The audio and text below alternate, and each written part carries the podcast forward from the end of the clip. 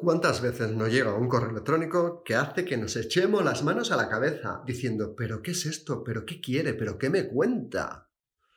Pues así, así de veces. Y esto es algo que tenemos que solucionar. Por eso, dentro de toda esta serie de videoconferencias que estamos teniendo en tiempos del coronavirus, pero teniendo muy claro de que esto es algo que sucedía antes de la crisis, antes del confinamiento, y que seguirá sucediendo después, por desgracia, dentro de esa videoconferencia, te contaba, tenemos, hemos tenido una conversación con el profesor Fran Rejón, doctor de la Universidad de Les Illes Balears y docente del Departamento de Economía de la empresa. En esa conversación vamos a descubrir de qué manera un titular de un correo electrónico llama la atención. De qué manera el cuerpo del mensaje puede atraparnos. ¿De qué manera podemos evitar, pues eso que a veces hace gente de olvidarse de poner puntos y aparte? Sí, hay gente que no pone puntos y aparte y te vuelves loco para entender los diversos mensajes que hay. Vamos a descubrir todo eso y vamos a descubrir mucho más, porque se puede ser riguroso, se puede ser cariñoso, se puede ser cercano, se puede ser efectivo, se puede ser todo eso siguiendo toda esa serie de indicaciones que a lo largo de este vídeo de introducción ya te he dado a modo de spoiler. UIB Universitat Podcast, uno de los canales transmedia de la Universidad de las Islas Baleares, donde compartimos contigo temas y diálogos sobre docencia, investigación, internacionalización, innovación, transferencia, cultura y mucho más. En la Universidad de las Islas Baleares, durante el tiempo del coronavirus, durante la crisis del COVID-19, estamos teniendo toda una serie de videoconferencias con profesionales de diversos ámbitos, no solamente el docente, con la idea de conocer, de atrapar, de recoger desde sus propias experiencias todos aquellos parámetros, consejos, sugerencias que nos pueden permitir desarrollar mucho mejor nuestra actividad docente, también en estos momentos en los cuales la docencia la desarrollamos en modo online. Quien te habla ahora es Antonio Fernández Coca. Soy profesor titular de la Universidad de Les Illes Baleares y en estos momentos también soy el vicerrector de Campus Digital y Transmedia. Te dejo pues con una de las conferencias, una de las charlas que hemos compartido. Y también te advierto una cosa, no es la única. UIB Universitat Podcast, uno de los canales transmedia de la Universidad de las Islas Baleares, donde compartimos contigo temas y diálogos sobre docencia, investigación, internacionalización, innovación, transferencia, cultura y mucho más. Muchas veces recibimos correos electrónicos y, se nos pasan desapercibidos. Y, y, no porque no los veamos, porque están ahí, sino porque han entrado otros que desde su forma de ser titulado por la persona que nos lo ha enviado, ha conseguido llamar nuestra atención de una manera mucho más rápida y mucho más efectiva. Nosotros podemos entrar dentro de ese grupo de personas que enseñan o que, bueno, que nos atrapan la atención desde esos mensajes. Y hay una manera de hacerlo, sobre todo en esta, en esta época donde esa comunicación asíncrona pues es reina de nuestro tiempo sobre todo en temas de mails. Pensemos en el correo electrónico que enviamos a nuestros estudiantes, pero también a otros colegas que reciben muchos correos, tanto unos como otros, unas como otras. Eh, ¿Cómo lo podemos hacer? Bueno, hola Antonio, muchas gracias por invitarme a hablar sobre esto. Importante, has hablado de que el correo electrónico es una herramienta asíncrona de comunicación y esto es crucial. Hay que, para poder hacer un mensaje que capte la atención del receptor, tenemos que entender cómo funciona el correo electrónico y cómo funciona como una herramienta asíncrona. Entonces, antes de entrar en esos consejos sobre qué hacer para que llame la atención, sí me gustaría mencionarte em, o mencionar, eh, bueno, eh, cómo podemos utilizar esta herramienta para ser productivos. Es decir, cómo podemos utilizar una herramienta de comunicación asíncrona para ser productivos. Lo primero de todo, eh, antes, de, antes que ninguna otra reflexión, es pensar si realmente el correo electrónico en la prioridad número uno para nosotros en nuestro día a día. Salvo que seamos un call center donde tenemos que atender eh, a nuestros clientes inmediatamente por correo electrónico, lo normal es que no sea nuestra prioridad. Y esto es crucial. Y hay que vencer con una creencia que es errónea y que está totalmente instaurada en el mundo empresarial, organizacional, donde el correo electrónico es una herramienta eh, de respuesta inmediata. Aunque suene poco popular lo que voy a decir, es justo al contrario. Y esto es importante, las urgencias rara vez vienen por el email. En todo caso, vendrán las urgencias de otra persona, pero no tus urgencias, es decir, no aquellas cosas a las que realmente tienes que dedicarte. Pero imagínate que, aunque te lo cuente yo mucho, sigues sin convencerte y sigues pensando que el correo electrónico para ti es crucial en tu trabajo del día a día y que es algo muy importante. Bueno, pues yo lo que te invito es que hagas el concepto de escaneo para emergencias. ¿Eso qué significa? Que en algunos momentos del tiempo, a la hora de usar tu correo electrónico, en aquellas veces que lo vayas a visitar, no más de tres diarias, esta es mi recomendación. No más Qué difícil lograr eso, ¿no? Muy complicado. Muy difícil. Es muy complicado, pero bueno, es, una, es un hábito que tendríamos que, tratar de instaurar. Vamos a hacer ese escaneo de emergencias, que básicamente en aquella eh, primera ocasión del día donde veamos el correo electrónico, todos nuestros mensajes entrantes, hacemos un escaneo y vemos los asuntos de los correos para ver si realmente alguno de ellos está redactado de tal manera que nos cause esa alarma, algo que haya que responder enseguida. Si no es así, yo te invito a que clasifiques tus correos electrónicos sin, leerlos más allá del, del subject, ¿no? del, del asunto, y luego, cuando realmente tengas tiempo, dedicarte a contestarlo. O a ese momento del tiempo del día en el que realmente le dedicas a contestarlo.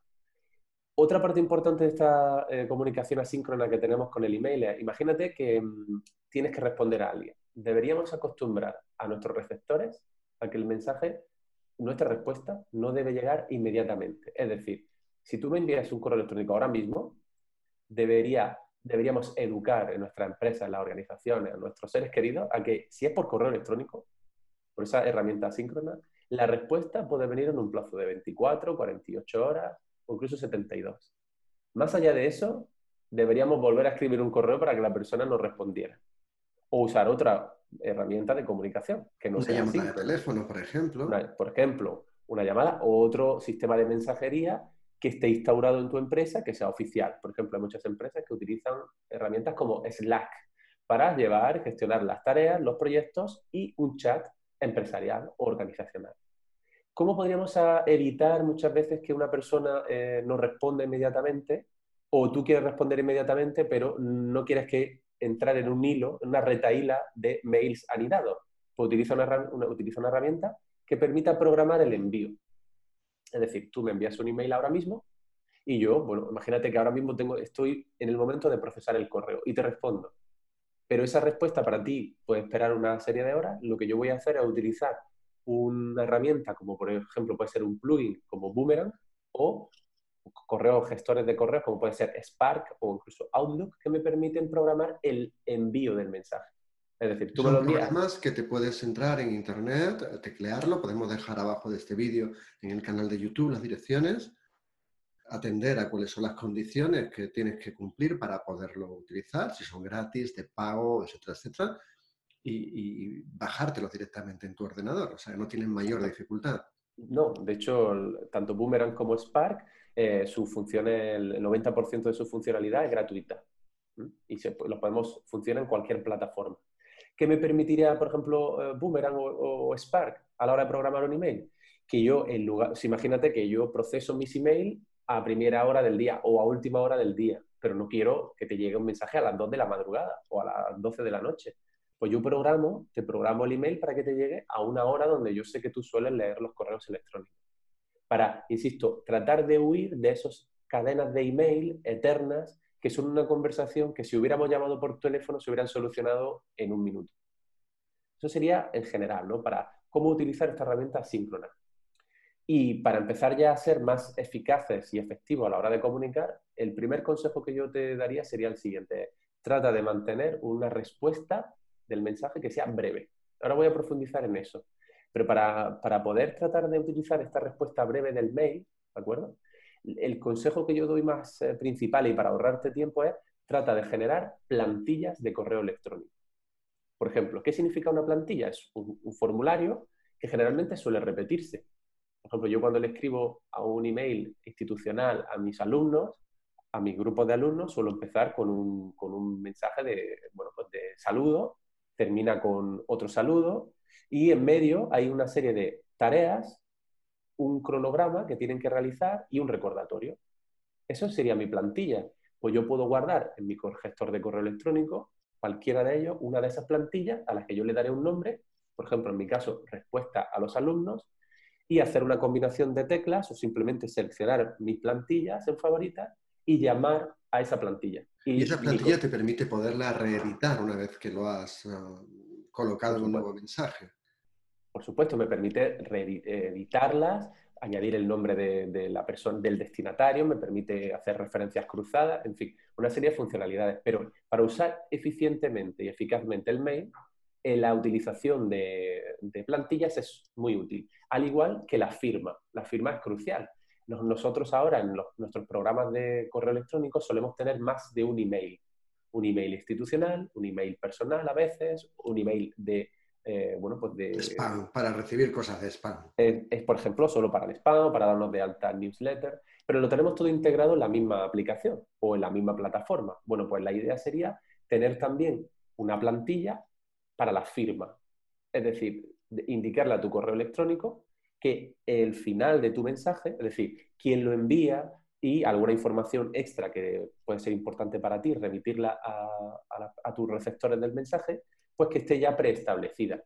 ¿Eso qué implicaría? Que cuando estás escribiendo el email, llamas a tu plantilla y solo rellenas aquellos espacios o cambias aquellas cosas que tienen que cambiar.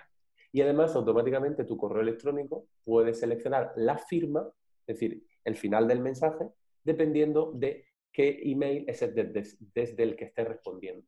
Y esto lo que hace es volverte mucho más rápido y más eficaz a la hora de manejar el correo dentro de estas plantillas lo ideal sería eh, hacer el mensaje lo más eh, sencillo posible. Pero vamos, antes de enviar el mensaje, vamos a empezar por distintos pasos. Y el primer paso de todo, para manejar la herramienta de manera eficaz y eficiente, es, oye, cuando te llega el correo electrónico, ¿cómo procesas el correo? Antes ni siquiera de enviar, ¿de acuerdo? Vamos a, vamos a este primer paso. Insisto, lo que yo os invito a que hagáis para como prueba es que os asoméis lo menos posible al email. Pero si no os queda más remedio, hacerlo como máximo tres veces al día. No solamente yo, sino otros eh, académicos y gurús de productividad como Berto Pena o otros, te suelen recomendar visualizar el correo a las 10 de la mañana, a las 12 del mediodía y a las 4 de la tarde. ¿Por qué a las 10? porque has dejado una ventana de tiempo para tus tareas más productivas, que lo podemos enlazar con otras técnicas que, conocemos y que hemos hablado nosotros en otra ocasión, para que hasta las 10 de la mañana el correo electrónico no interrumpa tu flujo de trabajo. A las 10 de la mañana lo, consultas y haces un escaneo rápido de aquellos mensajes que realmente sean eh, cruciales. Y si puedes, procesa el email. ¿Qué significa procesar el email? Y que también está relacionado con la franja de las 12 del mediodía y de las 4 de la tarde.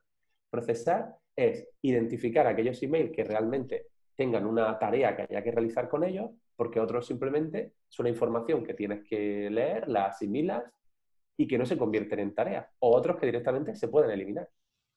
La idea sería tener en tu correo electrónico un sistema de carpetas, esas carpetas identificadas con nombres, por ejemplo, en nuestro caso, universidad, si es eh, newsletter, newsletter. Si es eh, spam, pues, pues generalmente se van automáticamente al spam, pero tú mismo, simplemente arrastrando, podrías llevarlo. Imagínate que yo he recibido 10 emails. El primero es algo vinculado con el trabajo de la universidad. Lo arrastro a mi carpeta universidad. El siguiente, o los dos siguientes, son newsletter. Directamente lo arrastro, lo llevo a newsletter. Eso sería procesar. ¿Vale? Y luego, cuando quiero realmente dedicar tiempo a contestar el email, me iría a mi carpeta universidad y los iría atendiendo uno a uno. Esta técnica de procesado y de escaneo es lo que se llama la técnica inbox cero. Es una técnica que lo que hace es que cuando yo entre a mi bandeja de entrada siempre va a estar vacía. Vale, no te provoca ningún tipo de estrés en función de aquellos que no has contestado. Exacto. Y lo que he hecho ha sido llevarme a estas carpetas identificadas por colores o por nombre los emails. Pero es que además podremos fijar en cualquier programa de correo electrónico lo que se llaman eh, mm, carpetas de email inteligentes. Es decir, si yo tengo asociado que tu correo electrónico, el tuyo, eh, mm, es algo para mí muy importante siempre que me envías algo, lo puedo hacer por un automatismo, por un pequeño filtro, que me llegue a esa carpeta de correos más importantes. Vale, sin yo hacer nada. Y esto, insisto, se programa en los filtros de correo electrónico y se pueden hacer tantos filtros como se desee. Esto me permite ya, antes ni siquiera de, entrar en el programa de correo electrónico, el programa de correo ya está trabajando por mí. Imagínate, esto lo hemos hecho a las 10 de la mañana. A las 12 del mediodía volvemos a echarle otro vistazo al mail para ver y vaciar nuestro inbox. Y ya podríamos empezar, si queremos, a responder eh, los mensajes. Y como muy tarde, a las 4 de la tarde. Es decir, nunca más de las 4 de la tarde. Nunca eh, abrir el correo ¿Por qué? Porque es como el café, que te lo tomas a partir de esa hora y ya no duermes. Por ejemplo, ¿cuántas veces hemos consultado el email desde el teléfono móvil por la noche. antes de ir a dormir? Y te vas con un problema, una pesadilla muchas veces. Exacto. Eh, yo lo desaconsejo, por supuesto, esto son recomendaciones, cada uno puede hacer lo que quiera, pero yo desaconsejo hacer esto para mantenerte enfocado, para mantenerte en calma y sobre todo con una sensación de control sobre el correo electrónico, utiliza o estas ideas de solamente tres veces al día. Es importante quitar las notificaciones del correo electrónico. Sí, yo eso cuando lo hice te puedo dar toda la del mundo. Mi vida cambió mejor. A todos los niveles. bajó una barbaridad. Porque era como si tuviera una agujita que constantemente te estaba dando sobre la mano cada vez que llegaba un correo, una pesadilla. Lo mejor que puedes hacer es desactivarlo.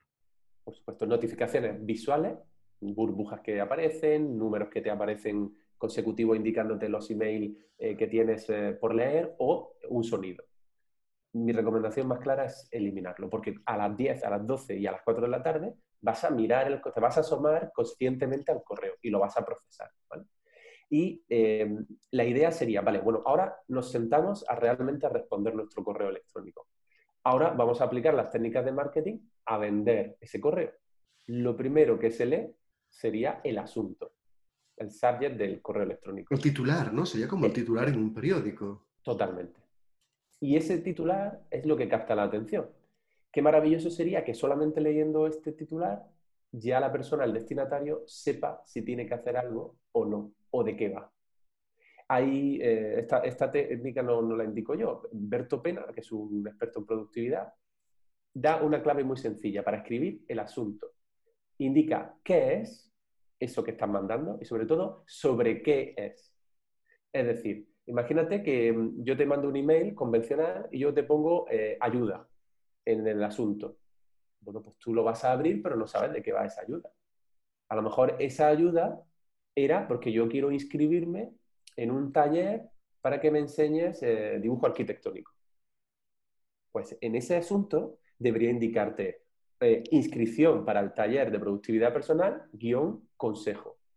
Cuando tú lo ves, oye, pues sabes si eso es urgente, no lo es, cuándo me lo puedes atender, en qué momento, y esto es crucial. insisto, es qué es y sobre qué es. Eso sería lo ideal. Sobre todo practicar y hacerlo sencillo. Yo invito también a que en la medida de lo posible, ahora que se pueden aplicar emoticonos, y sobre todo eh, cuando hablo de emoticonos no son solo emociones, sino símbolos, eh, poder insertar algún emoticono en el asunto del correo. Alguien se preguntará, ¿y eso cómo se puede hacer? Bueno, la mayoría de nuestros eh, sistemas operativos ya lo incorporan incorporan un teclado que podemos acceder rápidamente a él o por combinación de teclas e insertar algunos emoticonos. Pero imaginar que queremos poner un emoticono eh, un poco más rebuscado, no, no sabemos cuál es el acceso. Podríamos entrar a plataformas como Pili App.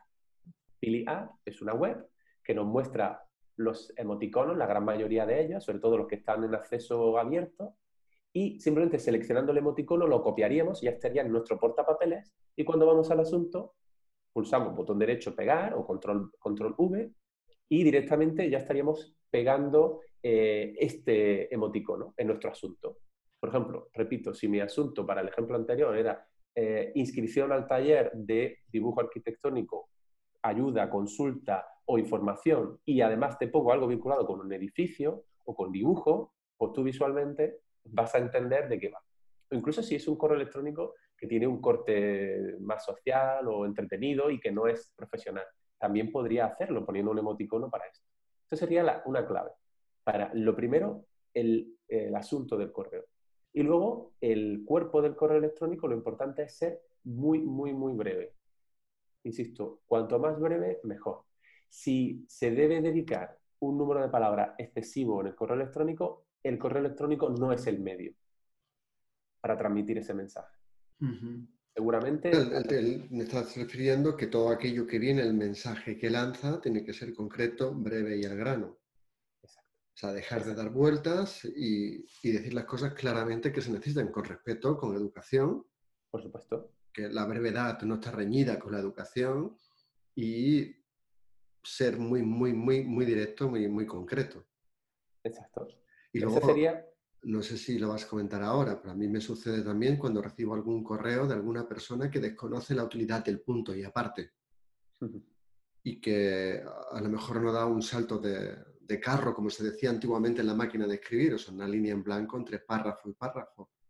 O párrafos kilométricos, para no contar nada. Y de todas maneras, a partir de aquí yo te querría preguntar algo. ¿Es útil, es adecuado en un correo electrónico enumerar con números o con letras las distintas partes del mismo? Totalmente. De hecho, a la hora de atraer la, atención visual, no debería haber más de seis estímulos, visuales sobre elementos en el mensaje. Es decir, utilizar una numeración más de seis elementos. Puntos, lo que en inglés hablamos bullet points o viñetas, sería un exceso para la atención de la persona. Porque Pero hay una de las normas de, diseño UX, de diseño centrado en usuario, que te dice que más de siete, ni loco. Bueno, pues el correo... es también un poco la tendencia que hay, y, ya no solo en mail, porque bebemos de todo lo que nos rodea, ¿no? De lo que es, por ejemplo, una página web. Eh, cada vez tienen menos ítems de menú principales, cada vez tienen menos eh, opciones de menú principal. Y estamos tendiendo a ir a cuatro. O sea, cada vez menos y ahí concretar y, acotar absolutamente todo lo que tengas que contar sobre ese tema. La ley de Miller indica que los humanos somos capaces de almacenar hasta siete lugares en nuestra memoria, pero el usuario se va a quedar hasta un máximo de cuatro, no más de cuatro ítems para elegir. Existe otra ley, es la ley de Hick. Probablemente cuando la veas escrita aquí en pantalla digas, es que no se pronuncia así. ¿Qué te dice esta ley? Que si, por ejemplo, tienes que hacer un formulario y tiene 20 preguntas y las pones todas seguidas, vas a producir un agobio en el usuario que haga que se te retraiga, que te diga, uff, esto es demasiado trabajo para hacer. Sin embargo, si en cada pantalla planteas una pregunta o dos y le vas dando siguiente, siguiente, siguiente, la comodidad a la hora de leerlo es mucho más fácil, es mucho más accesible, es mucho más apetecible. Hay que, hay que destacar aquí que para atraer la atención visual, sobre todo, y la atención, lo que hablamos, el procesamiento activo de un mensaje, eh, el marketing se conoce así, lo que tenemos que tratar es de evitar de el desorden, es decir, lo que técnicamente se llama el clutter de un mensaje. Cuanto menos desordenado esté, cuanto más claro, más específico, eh, más visual sea, eh, será mucho más capaz de, de, captar la atención de la persona que lo está leyendo. Y una recomendación que también hago en este sentido es tratar de reflexionar cuando queramos mandar un email, sobre todo responder ese hilo de mensaje, dos cosas que habría que tener en cuenta, que yo recomiendo. Es, primero, pensar muy bien cuando presionamos los botones de CC o CCO, es decir, cuando ponemos en copia a alguien, si realmente esa persona tiene que estar en copia o no.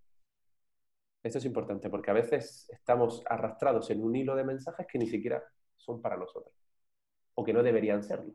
Esa reflexión habría que hacerla y luego pensar muy mucho si realmente hay que mandar el mensaje, si ese mensaje requiere realmente una respuesta.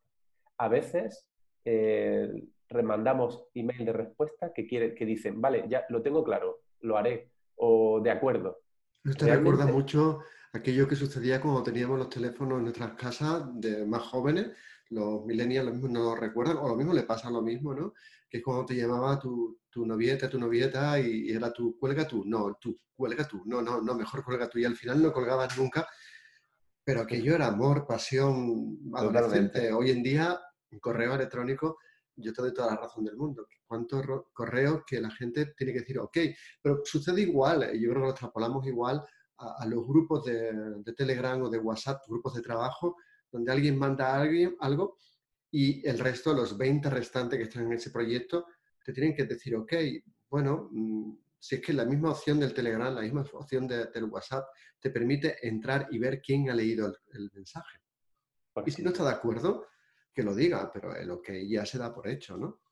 De hecho, en este sentido es importante. Hay extensiones, si te preocupa saber si alguien ha recibido o no un mensaje, existen extensiones para el correo electrónico Cuando digo extensiones me refiero a pequeños plugins o programas o, incluso hay software que ya lo viene incorporado. Spark lo lleva, por ejemplo. Outlook también se le puede poner. Son eh, mm, eh, elementos que me permiten saber si la persona ha recibido o ha abierto el email. ¿De acuerdo? Y esto es importante. A lo mejor yo lo único que quiero saber es que le ha llegado, que ha llegado bien o que lo ha abierto. Por ejemplo, si hacemos mensajes masivos o, lo hacemos a nivel comercial, las propias plataformas de newsletter suelen tener incorporadas estas eh, tasas de éxito de apertura de un email. Entonces, esto nos puede ayudar a entender si ha llegado o no y no hay por qué volver a enviarlo.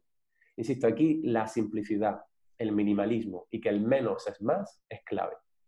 Y si se requiere más pasos, más procesos, más tiempo para mandar y que el mensaje llegue, eso significa claramente que el email no es la herramienta de comunicación adecuada. A lo mejor hay que hacer una reunión, a lo mejor hay que llamar por teléfono, a lo mejor hay que utilizar otra herramienta. Eh, a lo mejor hay que replantear la forma o volver a replantear la forma que hemos pensado que hemos escrito ese mail correctamente. A lo mejor hemos sido demasiado rebuscados. Eh, todo el mundo llegamos a un momento del día en el cual estamos bastante cansados y en el cual necesitamos pues parar un momento y tenemos que escribir un correo y en ese momento sale el correo muy pesado, muy denso.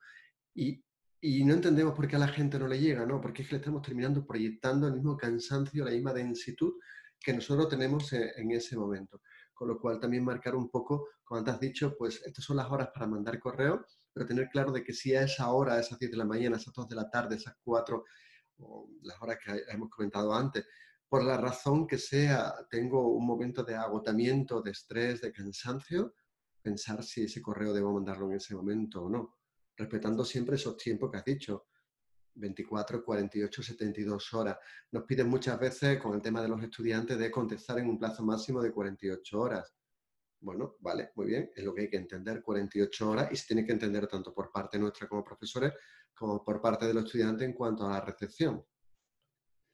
Muchas veces, muchas de esas preguntas que nos hacen están en las preguntas frecuentes que hemos desarrollado dentro de nuestras aulas digitales. Y si no están, pues es una oportunidad para mejorarlas e introducir aquellas dudas que están, que están teniendo.